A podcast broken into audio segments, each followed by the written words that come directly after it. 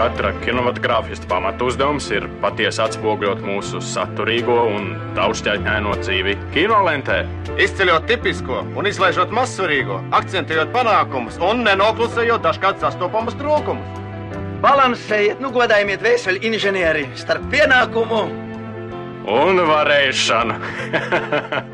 Pie jūras klimats 15 minūtes par kino. Labdien, mīļie radio klausītāji! 8. maijā kino Citadelas Keipa zālē notika Kaspar Rogas debijas dokumentālās filmas Meklējot Misteru Kauliņu pirmizrādi. Kaspar Roga lielākā Latvijas iedzīvotāja daļa, protams, pazīst kā grupas prātu vētru bunzinieku. Taču izrādās, ka Kaspars arī ir veidojis grupas agrīnos videoklipus, režisējis un dokumentējis arī grupas koncertus. Aizraušanās ar kino un stāstu veidošanu nav piepeša kaprīze. Kā intervijā stāsta pats režisors, scenārijus rakstot bieži, un vienu no tiem skudrs princis teātras skatuvei 2014. gadā adaptēja Mihails Gruzdovs. Bet kas ir šis mistiskais misters Kauliņš, kas kopā ar Kasparu Rogu redzams uz filmas plakāta? Gunters Kļaviņš ir izbijis baņķieris, ar kuru Kaspars iepazinās 90. gados, un kura bankā prātu vētra noguldīja savu naudu. Kā jau 90. gados bieži gadījās, banka bankrotēja un kļaviņš piepieši pazuda. Taču pirms desmit gadiem abi čomi atjaunoja kontaktu, un Kaspars arī brauca ciemos pie kļaviņa, iesaukt par kauliņu. Abi dzīvojušies pie okeāna, bungālo, dāmas, pašķērtas zivis un visam pāri sapnis par dimantiem. Kad Sandijs Semjonovs, viens no filmas Meklēt Misteru Kauliņu producentiem, Sierra Leonē veidojas televīzijas sižetu par Kauliņu, radusies doma par to, ka jātais arī filma, Kā režisors tika piesaistīts Kauliņa labākais draugs Kaspars Roga. Filma arī lielākoties ir stāsts par draudzību, par sapņotājiem un par to, kas notika ar cilvēkiem, kur 90. gadu trakumā sasniedz nebijušas finansiālas virsotnes un tad piepieši tās pazaudēja. Uz ekrāna redzam abus varoņus, gan rogu, gan kauliņu. Jāņa Andrēja rokas kamera brīžiem pieiet varoņiem pat nekomfortabli tuvu, itin kā cenšoties izzināt patiesību, kas slēpjas aiz abu draugu ķircinoši vieglajiem dialogiem. Par to, kā filmēšanas grupai gāja Āfrikā, mums pastāstīs raidījuma viesi no meklējot Mr. Kauliņa komandas. Režisors Kaspars Roga, labdien! Sveicināti! Un filmas skaņu režisors Mārtiņš Rozentāls. Sveiki! Labdien! Labdien! Kaspar, vārds režisors vienmēr tiek pasniegts ar, nu, zināmu svaru. Kā ir? Tu jūties kā režisors un ko vispār tavuprāt šis arots uh, nozīmē? Man grūti teikt, bet ja neskaidro šīs profesijas kaut kādu akadēmisko aspektu, tad uh, man liekas, ka kino taisīšana vispār ir tāda netverama lieta, jo nu, mēs gan pasaules vēsturē, gan uh, mājās varam novērot arī tādus piemērus, kad tādi ļoti titulēti režisori uztais kaut kādu nedzīvu filmu, nu, tā gadās. Un, e, tāpēc jau arī tas kino ir ļoti interesants un e, aizraujošs žanrs, e, jo faktiski var izdomāt visu, izplānot visu līdz pēdējiem, bet kaut kas pēkšņi tur neiedzīvojās. Un es to fenomenu esmu novērojis, un tas man ir licis sev uzdot daudz jautājumus, jo arī muzikā mēs novērojam, ka mēs, teiksim, ar prātu vētru saceram kādu dziesmu, un tajā tapšanas procesā, radīšanas procesā mums šķiet, ka šis nu būs rīktīgs hīts, un, un pēc tam mēs viņu ierakstam un noslīpējam, un, un kaut kur tāda vēselīte ir pazudusi, viņš ir labākā gadījumā albuma gabals vai vispār mēs viņu neieliekam albumā. Tā ir tā radošā mistērija Un arī šai profesijai, eh, ja arī arodam, kāds ir režisors, nu, tas piemīt. Nu, savā kontekstā, nu, droši vien es jau esmu savā ziņā tāds krūmu režisors, jā, nu, tur eh, akadēmisko zināšanu man nav, visu, ko es esmu iemācījies, iemācījies no dzīves un no brīnišķīgās komandas, kas bija arī šajā filmā. Kā nu mums ir sanācis par to, lai vērtē skatītājs? Kā ir, ir jau kaut kādas pirmās atsauksmes, ko jūs esat abi dzirdējuši? Tikai labas. Es domāju, ka lielākais droši vien sasniegums, ja tā var izteikties, ja cilvēks saka, ka viņš filmā var raudāt, un tad viņš saka, ka viņš ir arī izsmējies, tad eh, es domāju, tas ir tas labs emocionālais rādītājs. Ja jūs viens filmas ietvaros varat gan raudāt, gan smieties, tas ir eh, forši. Vai tika sasniegts kaut kāds uh, sākotnējais mērķis, vai arī filma no sākuma bija domāta kaut kā citādāk, un, nu, kā jau dokumentālajā kīnot nevar zināt, kas notiks nevar zināt, kas notiks, bet tomēr ņemot vērā īso filmas, filmēšanas laiku, mēs pieturējāmies pie tāda kodolība scenārija priekšrakstījuma, un paši to filmu virzījām. Līdz ar to virzot arī galvenos varoņus tajās sliedēs, kurās mums tas bija nepieciešams, lai izveidotu tādu veiksmīgu dramaturģiju. Jo filmu mēs uzfilmējām 24 dienās, un tas priekšdokumentālās filmas ir ļoti maz laiks, un es domāju, tas bija iespējams tikai tāpēc, ka tas bija mans draugs, un uh, es apmēram zināju, kā ar viņu runāties, un, un, un arī mums bija noruna pirms filmas, kad uh, ar, ar galveno varoni, kad uh, taisam to filmu tikai tad, ja tu būsi gatavs runāt. Un viņš teica, ok, daram tā. Es domāju, tas ir vienīgais veids, kā var uh, dokumentālo filmu uzfilmēt tik īsā laikā. Jo pretējā gadījumā, ja varonis arī jums nekorporējas, vai arī jums ir jāvilina no viņa ārā, vai jāgaida kaut kādas situācijas viltīgi, mm, ka jūs nevarat viņu uzaicināt aizvien pastaigāties, papļāpāt, un, uh, nu, vai vēl kaut kā, es nezinu. Nu, tad tas ir daudz ilgāks laiks, un dzīve, protams, arī ievieš savus korekcijas, bet šai filmai kaut kā ļoti veiksmīgi mēs virzījāmies pēc noliktā plāna. Jā, pat patiesībā neticam.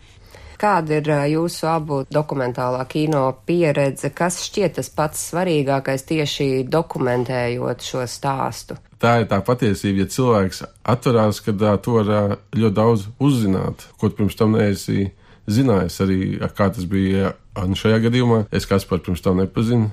Iepazinos vienu dienu pirms filmēšanas, un uh, es uh, par Kasparu pirms tam vispār neko nezināju. Nu, tikai to, ka viņš ir bundzinieks. Viss, nekāda priekšstata, labs, slikts vai kāds nebija. Bet arī nu, tas stāsts, kas priekš manis jau bija ļoti interesanti, un es domāju, ja cilvēki aizies filmiem, tieši tas pats būs. Nu, tas, būs tas būs kā jaunatklājums, kad gan kas par sevi ir izlicis ārā ļoti privāti, gan arī arī Gunters. Jā, nu, tas tas, ka tur daudz ko jaunu uzzināt. Dokumentālajās tas nav samākslot. Jā, nu man savukārt eh, es droši vien varētu vairāk pa pašu to eh, procesu. Man bija ļoti interesanti, jo mēs strādājām. Nu, visa komanda bija ļoti laba. Mārtiņš, Jānis, eh, kamera un producenti Undīna un Sandijs un Audinga Kučina skaiti, kas bija montāžas režisori. Un no viņas es ļoti daudz mācījos, jo nu, bija ļoti interesanti. Jo līdz tam man ir pieredze, tātad mums ir kaut kāds uh, scenārijs, saucamais nu, storyboards, kur viss ir izīmēts bildītēs.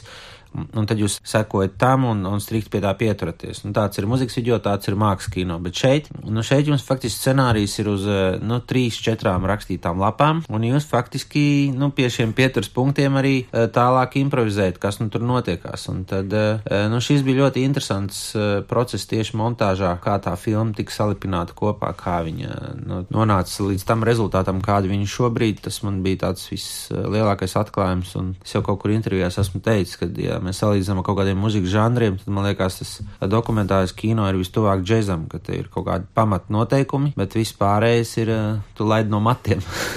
Lūstoši. Citu, tā ir viena lieta, ko es domāju, bet vai nav tieši grūtāk veidot šo dokumentālo filmu par draugu?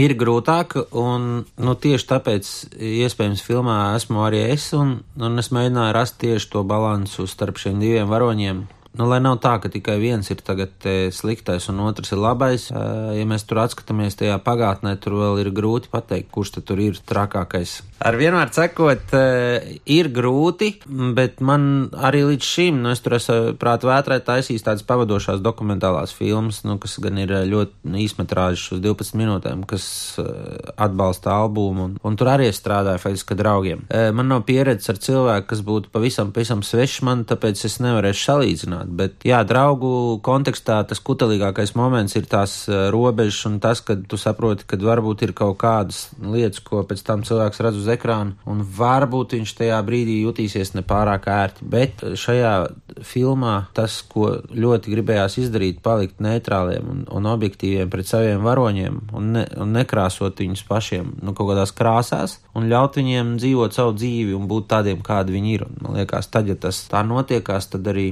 nu, tu esi kā godīgs pret saviem varoņiem, tad arī tava sirdsapziņa tīra. Un, Mārtiņ, kā jums ar Jāni, piemēram, operatoru bija, kad jūs esat klāt šai draudzībai? Tā kā vai jūs jutāties pieņemtani bariņā, vai jūs vienkārši bijāt distancē un veicāt šo dokumentēšanas procesu?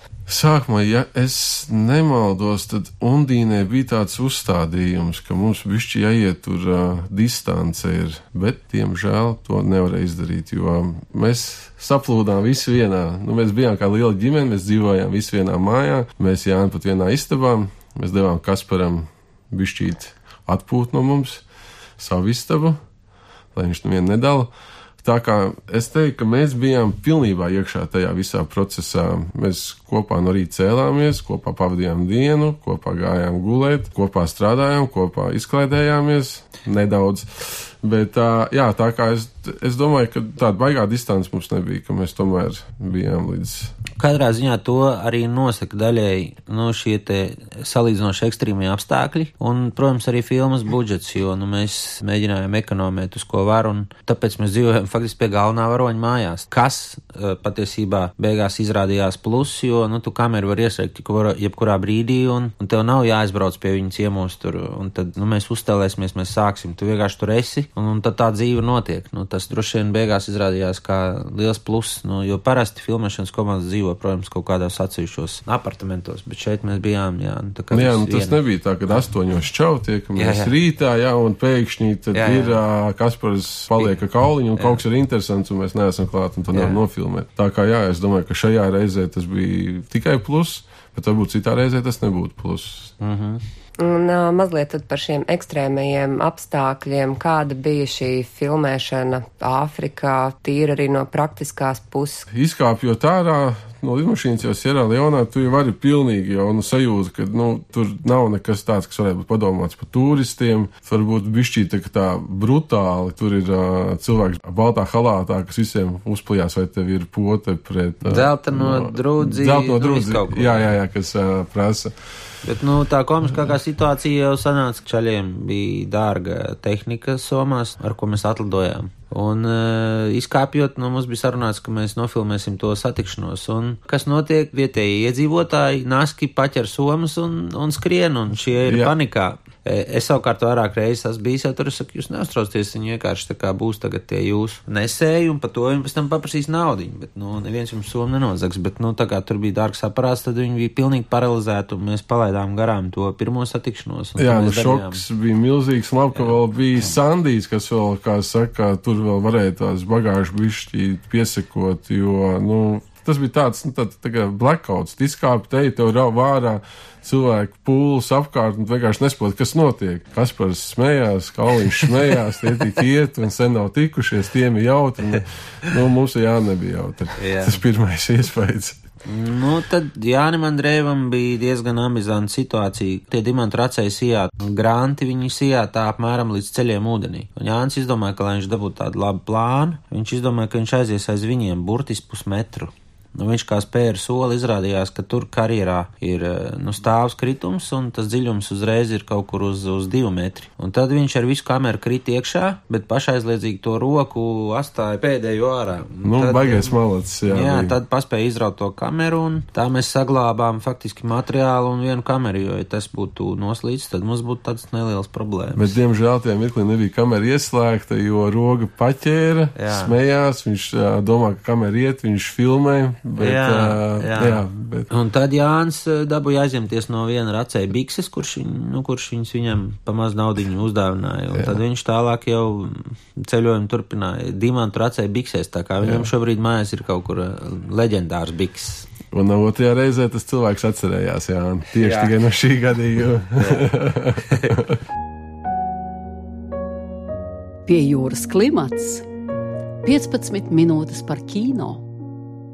Es domāju, ka nu, vēl tāda maza uzvara filmai tas, ka galvenais varonis ir pats par sevi ļoti attraktīvs. Un, un zinot, kā saka, kad uh, kamera viņu mīl, nu, nu, uz viņu ir interesanti skatīties, jo viņš ir, uh, nu, viņš ir tāds daudzšķautnains un interesants tipāšs. Līdz ar to cilvēkam ir interesanti. Tā man šķita interesanti, ka nebija filmā manāms nekāds rūkums vai aizvainojums pret šo draugu, jo tomēr tas stāsts ir diezgan sarežģīts, vai tiešām tā sajūta bija tāda, ka šis rūkums ir jau izzudis vai nekad nav bijis, vai arī tomēr kaut kādus papildu noteikumus uzlika tas, ka tā kameras klātbūtne. Nē, kā es arī filmā pieminu, nu tad, tad klausītājiem, kas nav vēl bijis uz kino, varu pateikt, ka es filmā darbojos arī kā aizkadra balss, tāpat es esmu kadrā un mazliet tā kā navigēju skatītā cauri no šim te filmas sižetam. Tad filmā es arī atzīmēju, ka jā, bija mirklis, kad uh, patiešām bija tā kā mazliet vīlies un aizvainots, bet uh, tas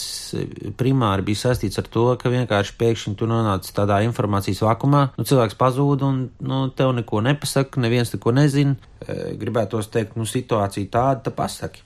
Bet šobrīd, nu, es domāju, gan laika noilgums, gan tā dzīves pieredze, gan, gan kaut kāda izpratne par lietām, nu, viņa jau ir eh, mainījusies. Un, nu, šobrīd mēs esam nu, vienkārši draugi bez jebkādiem tādiem vēsturiskiem aplikumiem varam uz to paskatīties. Tāpēc varēja vispār filmu uztaisīt, jo pretējā gadījumā neviens varētu kaut ko paprasīt, ne otrs varētu kaut ko izstāstīt. Nu, ja mums būtu savstarpēji kaut kāds vēl tas uh, sadursmi.